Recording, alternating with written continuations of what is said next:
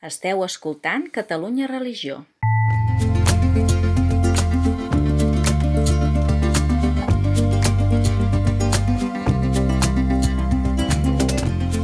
Converses en la frontera, un podcast de Gabriel Jaraba i Xavier Morlans.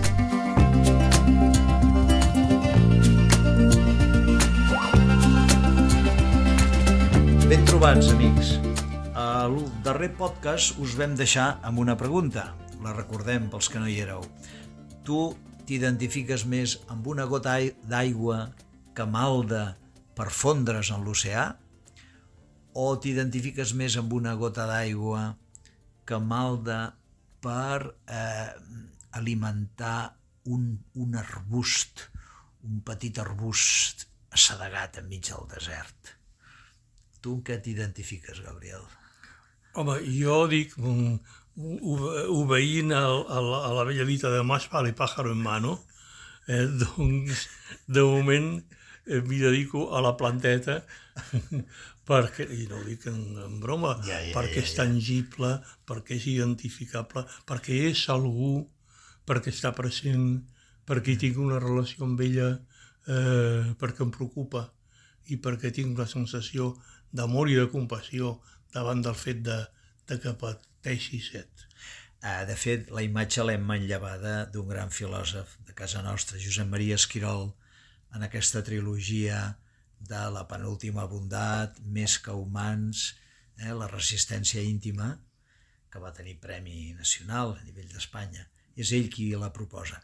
La, de fet, la imatge de ser una gota que es fon a l'oceà és molt, és molt atractiva i jo diria que és hegemònica, que ha triomfat. Sí, mm, i els que pensen així, i ha triomfat per raons que avui m'agradarà exposar, eh, ha triomfat però mm, jo que sóc eh, jo sóc una gota d'aigua, eh, em penso que l'oceà és molt gran, té molts recursos i ja s'apanyarà.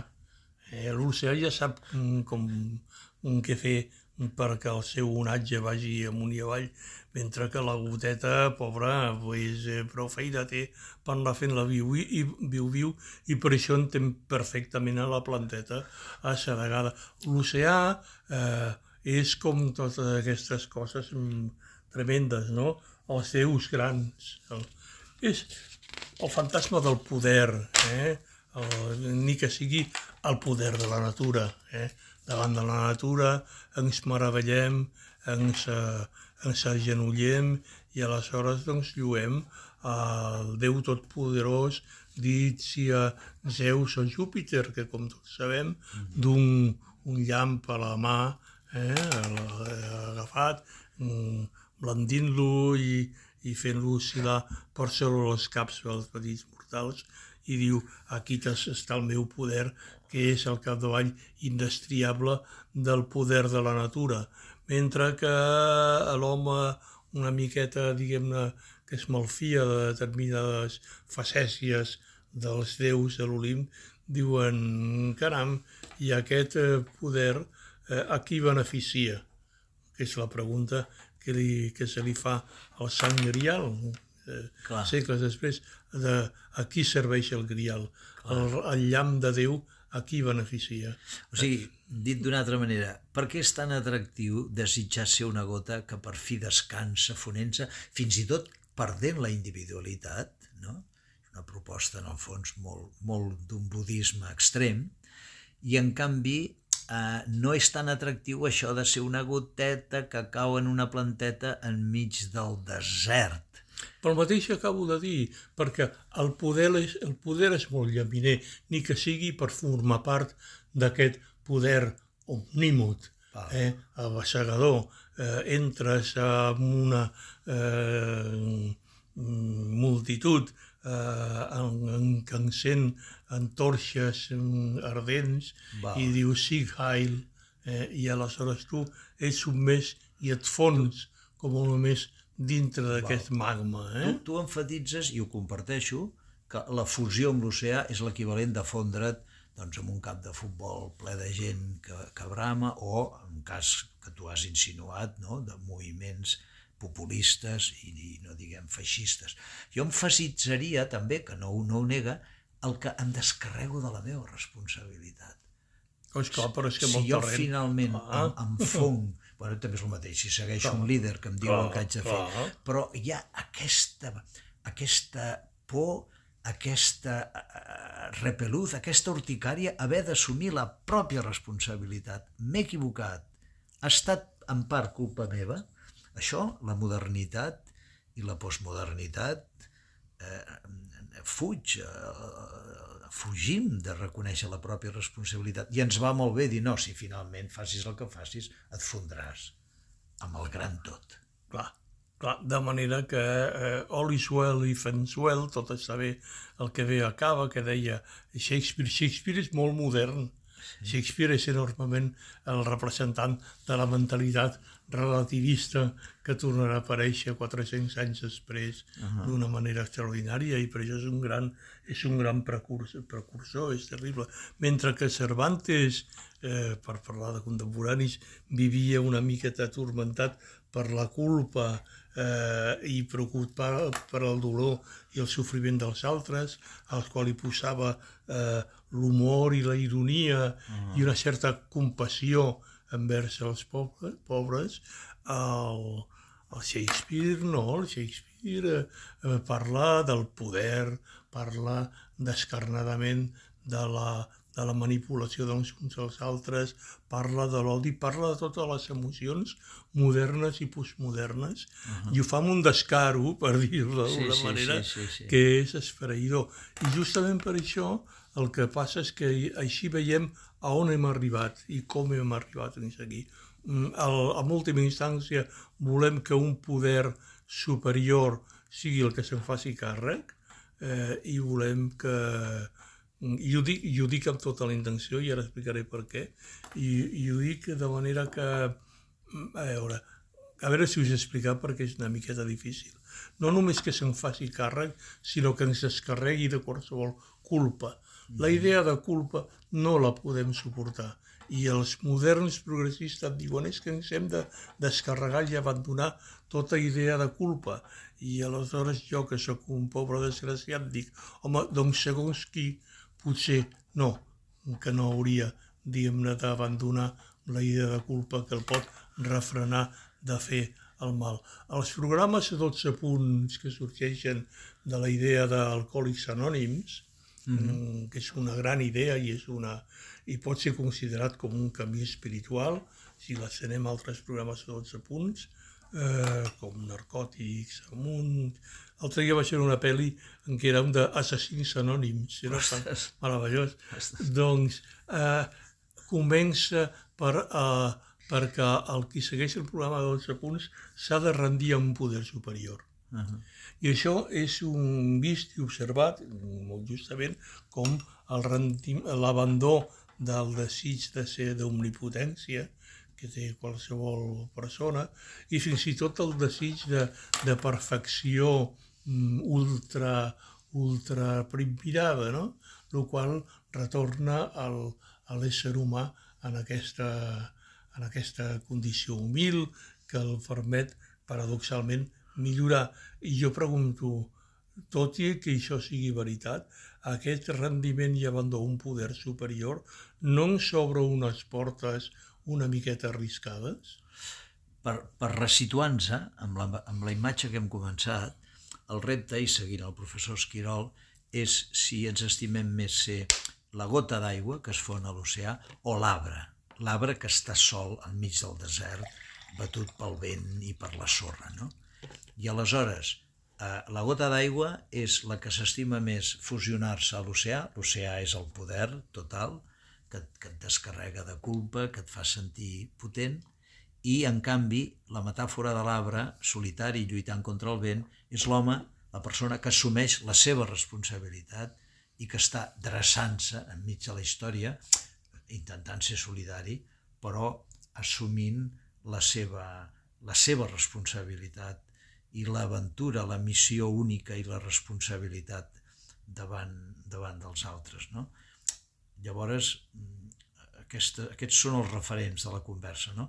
I per fer la connexió amb el podcast de l'altre dia, la imatge de la gota que troba la pau fusionant-se amb el gran tot és el que dèiem gnosticisme, sense l'A davant, és a dir, la visió que en el fons proposa una salvació a base de retornar a una suposada esfera espiritual perquè tots ja seríem aquesta espurna divina que ja la tenim a dintre.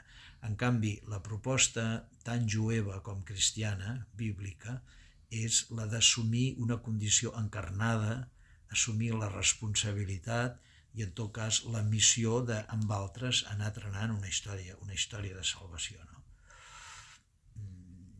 Mm, sí, però tot i això el poder de seducció d'aquesta possibilitat de, de fondre's en el poder superior és tan gran que és una de les raons, no l'única, però que fa que aquest gnosticisme en G vagi surant i reapareixent i, i, i, i revisculant. Fixa't el que passa a l'Europa del segle XIX. Eh, eh, L'home ha experimentat el descobriment de les terres eh, inconegudes, l'expedició a Àfrica del, de Stanley arriba fins a trobar el doctor Livingstone i li pregunta, vostè és el doctor Livingstone, suposo, oi? -huh. És a dir, la, la, la venda de diaris, la venda de la premsa a Europa es dispara amb unes quantitats que fa milionaris els empresaris de premsa britànics, és una cosa tremenda perquè hi havia hagut recentment unes campanyes d'alfabetització eh, importantíssimes i Stanley és el periodista estrella que és un, un disfressat d'explorador que ens mostra a on l'ull de l'home occidental, a l'home materialista, havia arribat, no? a la recerca de les fonts del Nil, a buscar l'inconegut uh -huh. i, a i als altres mons que són en aquest. No? Mm, tot, aquest, tot aquest món eh, que, que triomfa mm, i ens fa, ens fa veure'ns a nosaltres mateixos com a, com una raça superior. Aquí teniu a la, el negre de Banyoles, eh, aquell, Correcte. aquell eh, pobre bantú que va acabar mumificat i dissecat i exhibit en un museu antropològic al poble de Banyoles. I ara què té a veure amb el poder total?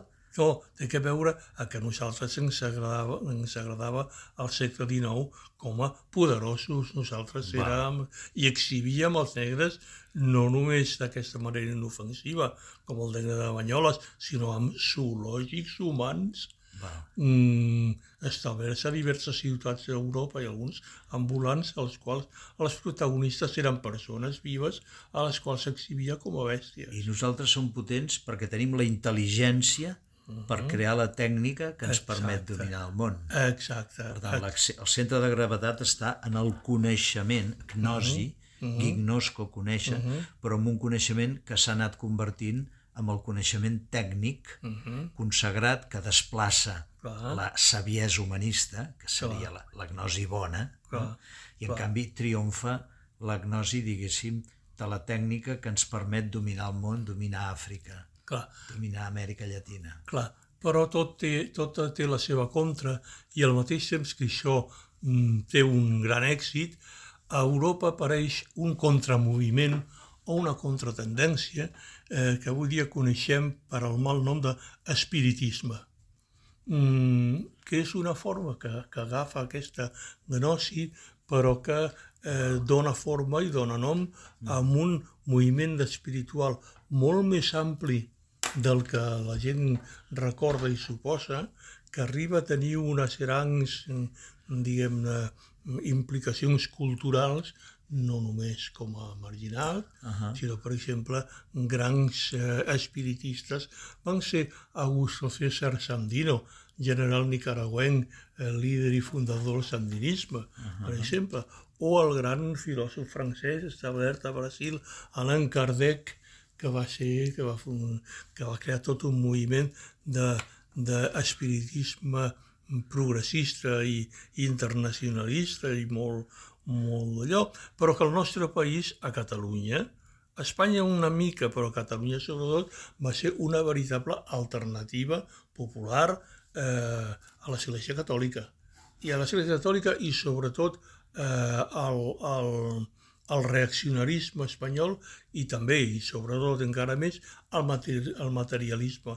Mentre a Catalunya estava en mans de la CNT i la FAI i alguns partits d'esquerres i del nacionalisme català, eh, és l'espiritisme el que, el que intervé o s'inocula a les classes populars, als barris, sobretot urbanes, i crea un nou moviment de tipus espiritual i espiritualista protagonitzat sobretot per les dones eh, que eh, arriba a esdevenir una veritable alternativa. Hi ha la dona d'algun polític conegut, no? Sí, la dona de Lluís Companys, el 1931, eh, organitza ni més ni menys que un gran congrés espiritista internacional a Barcelona, on el programa d'activitats no només mm, va d'espiritisme, sinó que va de sindicalisme i de feminisme i barreja la lluita de les dones, la lluita del proletariat, la lluita dels treballadors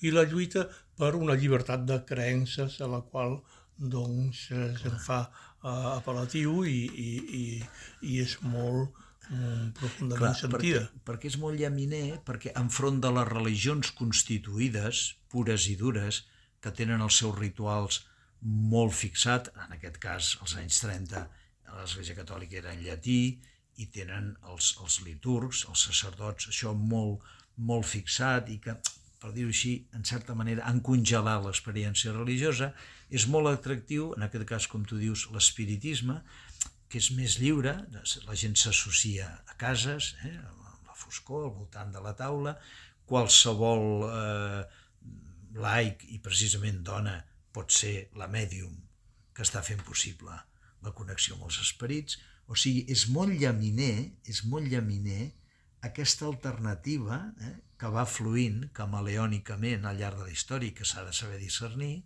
que apareix com a contrapunt de les religions oficials, però que té, juntament sempre amb uns grans desitjos de bondat, però el que nosaltres estem verificant és quan es valora tant el moment espiritual, el moment gnòstic, el moment intel·lectual, que es menysprea, per exemple, la pràctica popular, no? Com serien les processons, les processons, els sacraments, eh, la pietat popular, eh, que també la vam, la vam menys tenir en un primer moment de renovació conciliar, aquest, aquest és un criteri, no? Si es valora les formes religioses encarnades del poble, o si caiem a la trampa de que només hi ha unes formes elitistes, secretes, esotèriques, d'accedir a la veritat. No? Clar, i quan aquestes formes de religiositat popular són abandonades o perdudes, aleshores passen coses gruixudes. Per exemple, mm, quina va ser l'última forma massiva de religiositat popular o d'exteriorització d'aquesta sensibilitat?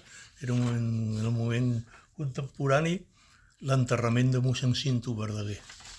Eh? Eh, la gent diu eh, mossèn Cinto van anar-hi més de 100.000 persones al seu enterrament, eh, el poble el valorava el gran poeta. Escolti, un, al segle XIX, un poble analfabet que, que no sabia llegir, valorava un poeta. Home, no fotem, el que valorava era eh, la pietat de mossèn Cinto, la seva capacitat d'empatia, d'amor i de compassió i d'haver sintonitzat amb aquest cor de la sensibilitat popular que hi respon. Però hi respon amb el seu d'una manera que després ja no serà capaç de fer-ho més. Eh? I aleshores el que, el que és la, la, la pietat i la compassió per l'amor de mossèn Cinto es canvia perquè per la ràbia, per la protesta, per l'odi eh, contra la setmana tràgica, la crema de convents. És a dir, el que ve després de l'enterrament de, de Montsen Cinto, la demostració de pietat i de pietat popular es trastoca amb l'odi, odi de masses que s'encamina doncs, cap a al silenci de les campanes. Eh? Mm. La mort dels capellans, mm. la mort dels religiosos i la, el, el blasmar a qualsevol eh, forma de, de religió que hi hagi. Això és tremendo. Això és tremendo perquè aquest anar i tornar del gnosticisme sí. ens porten aquestes onades sobre la roca deserta, eh, diguem-ne, aquestes grandeses i misèries. Que, si em permets, eh, vist des d'un altre angle, hi ha autors que ho sostenen, eh, també és gnosticisme les ideologies totalitàries que apareixen al segle XX, tant el comunisme com el feixisme, es poden considerar gnòstiques perquè volen trobar la salvació en una idea clara i distinta i amb l'aplicació eh, al castellà, a rajatabla d'aquesta idea. No? Per exemple, la idea de justícia social, el marxisme, no? la part bona, el, el sofriment de milions de persones és el lloc que ocupen en el sistema de producció. Abolim la propietat privada, fem que l'Estat sigui el propietari i la gent trobarà la felicitat. I això a Rússia, a URSS, Lenin, Stalin ho imposen a la força. O sigui, és gnòstic perquè parteix d'una idea i no té en compte la corporalitat, la processualitat, l'esforç dels petits pagesos, dels petits col·legs. No, no el petit propietari se l'exilia a Sibèria, perquè ara vindrà, ara vindrà la veritat, que és l'aplicació pura i dura d'una justícia. I com diu el Teodorov, és quan es vol fer el bé, eh? la maldat del bé fet a la força. No? Jo crec que, que és interessant establir aquests, aquests lligams de com aquest moviment camaleònic també en les, les ideologies fortes, pures i dures, també són fruit d'aquesta posar tota la confiança en una idea que jo, Lenin, a Suïssa, en el meu cap, jo entenc i, des, i decideixo el destí de la humanitat. I després es guarden els telegrames de Lenin dient pengeu-los ben alt, els, els terratinents, els postes de telègraf, que es vegin. Clar, és però jo eh, voldria dir que, com deia Víctor Hugo, no hi ha res més poderós que una, que una idea a la qual li ha arribat l'hora i el poder de les idees és inconmensurable. És inconmensurable.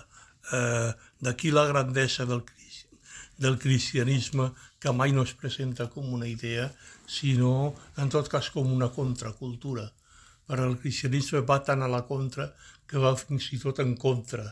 Eh, el cristianisme va en contra de Déu, a primera I vista. Tant, eh? tant, del Déu faraó, el Déu ah, poderós, ah, és un Déu pobre que es deixa crucificar, imagina't uh, exacte, si és contra cultura. Exacte, i aleshores el, el, el gran mal de la Unió Soviètica i de la Revolució d'Octubre és, com jo sempre dic i sostinc, l'assassinat de la família Romanov l'assassinat de la família del Tsar i del Zarevich i de les Zaribnes, eh, fins i tot de l'Anastàcia, que la gent es pensava, alguns es pensaven que havia sobreviscut i va, i va donar eh, un peu a molta literatura barata, eh? I tant, i tant. a la història de l'Anastàcia.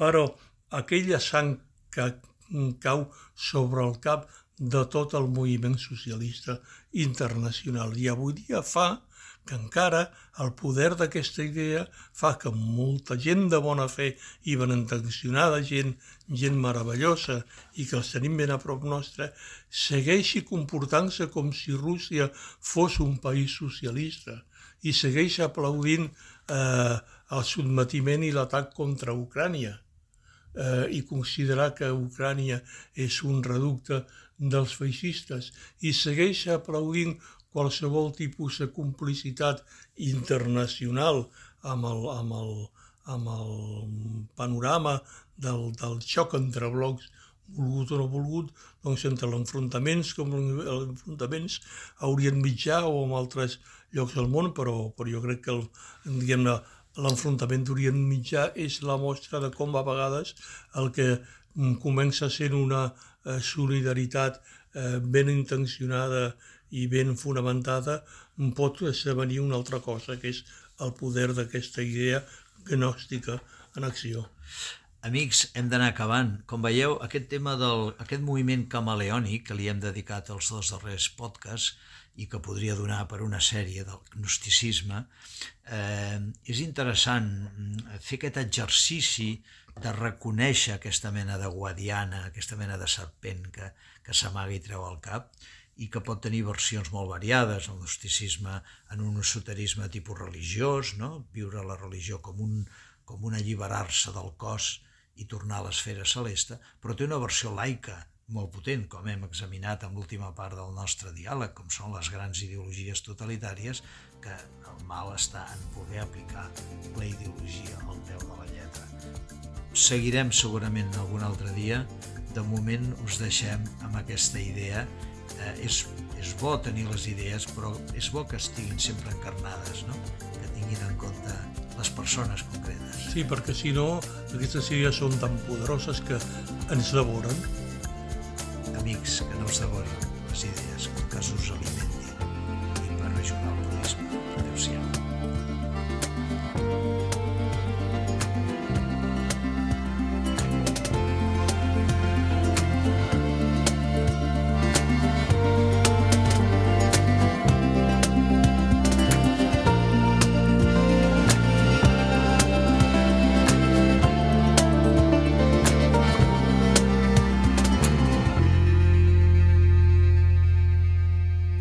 Religió.